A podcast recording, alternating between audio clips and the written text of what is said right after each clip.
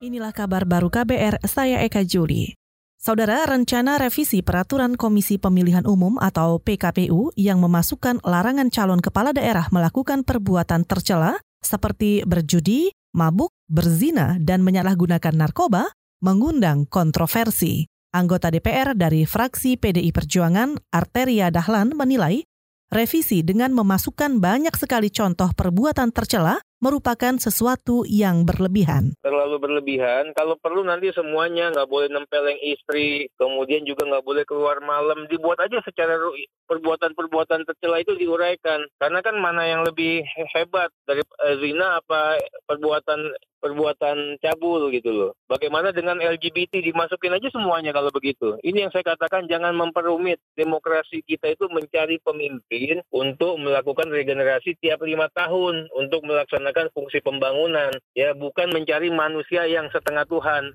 Anggota DPR dari fraksi PDI Perjuangan, Arteria Dahlan, juga mengingatkan calon kepala daerah seharusnya menjadi contoh suri tauladan masyarakat. Tetapi Komisi Pemilihan Umum atau KPU juga jangan sampai menghilangkan hak politik seseorang untuk menjadi calon kepala daerah dan maju di pilkada. Saudara nilai tukar rupiah diperdagangkan melemah pada pembukaan pasar pagi ini. Sementara indeks harga saham gabungan atau IHSG juga masih sulit beranjak dari zona merah. Kondisi tersebut antara lain merupakan dampak dari konflik perdagangan antara Amerika Serikat dan China. Informasi selengkapnya disampaikan jurnalis KBR Astri Septiani langsung dari Gedung Bursa Efek Indonesia, Jakarta. Indeks harga saham gabungan atau IHSG dibuka di zona merah atau melemah dengan koreksi 0,15 persen atau 9,14 poin di level 6030,46 pada perdagangan pagi ini. Padahal pada penutupan perdagangan kemarin IHSG ditutup 0,65 persen atau 39,02 poin ke level 6039,60 dari penutupan perdagangan sebelumnya. Sementara itu diprediksikan bahwa eskalasi tensi dagang antara Amerika Serikat dan China masih menjadi sentimen negatif bagi pasar saham domestik hari ini, sehingga IHSG pada perdagangan hari ini diprediksi drop ke zona merah setelah kemarin sempat menguat. Sementara nilai tukar rupiah melemah pada perdagangan hari ini. Berdasarkan data Bloomberg, Pergerakan nilai tukar rupiah di pasar spot dibuka terdepresiasi tipis 8 poin atau 0,0 persen di level 14.170 per dolar Amerika Serikat. Pergerakannya juga terpantau melemah 13 poin atau 0,09 persen ke level 14.175. Pada perdagangan Selasa lalu, nilai tukar rupiah ditutup di level 14.162 rupiah per dolar Amerika Serikat. Rupiah juga diprediksi bergerak melemah terbatas pada sepanjang perdagangan Rabu ini. Demikian yang dapat saya laporkan, Asri Septiani untuk KBR. Direktur Pelaksana Dana Moneter Internasional atau IMF, Kristalina George Jiva mengatakan, perselisihan perdagangan berdampak pada ekonomi global.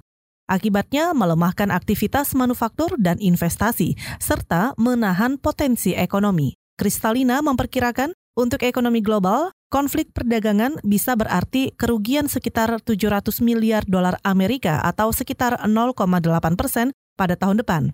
Angka itu setara dengan seluruh potensi perekonomian Swiss. Kristalina menambahkan, konflik perdagangan Amerika dengan China tidak hanya meningkatkan biaya langsung pada bisnis dan konsumen, tapi juga menyebabkan efek sekunder, misalnya kepercayaan dan reaksi pasar yang semakin menghilang rencana uji balistik di luar negeri terhadap peluru yang menewaskan Randi, mahasiswa Universitas Halu Oleo Kendari ketika aksi demonstrasi akhir September kemarin dinilai sebagai langkah yang tepat.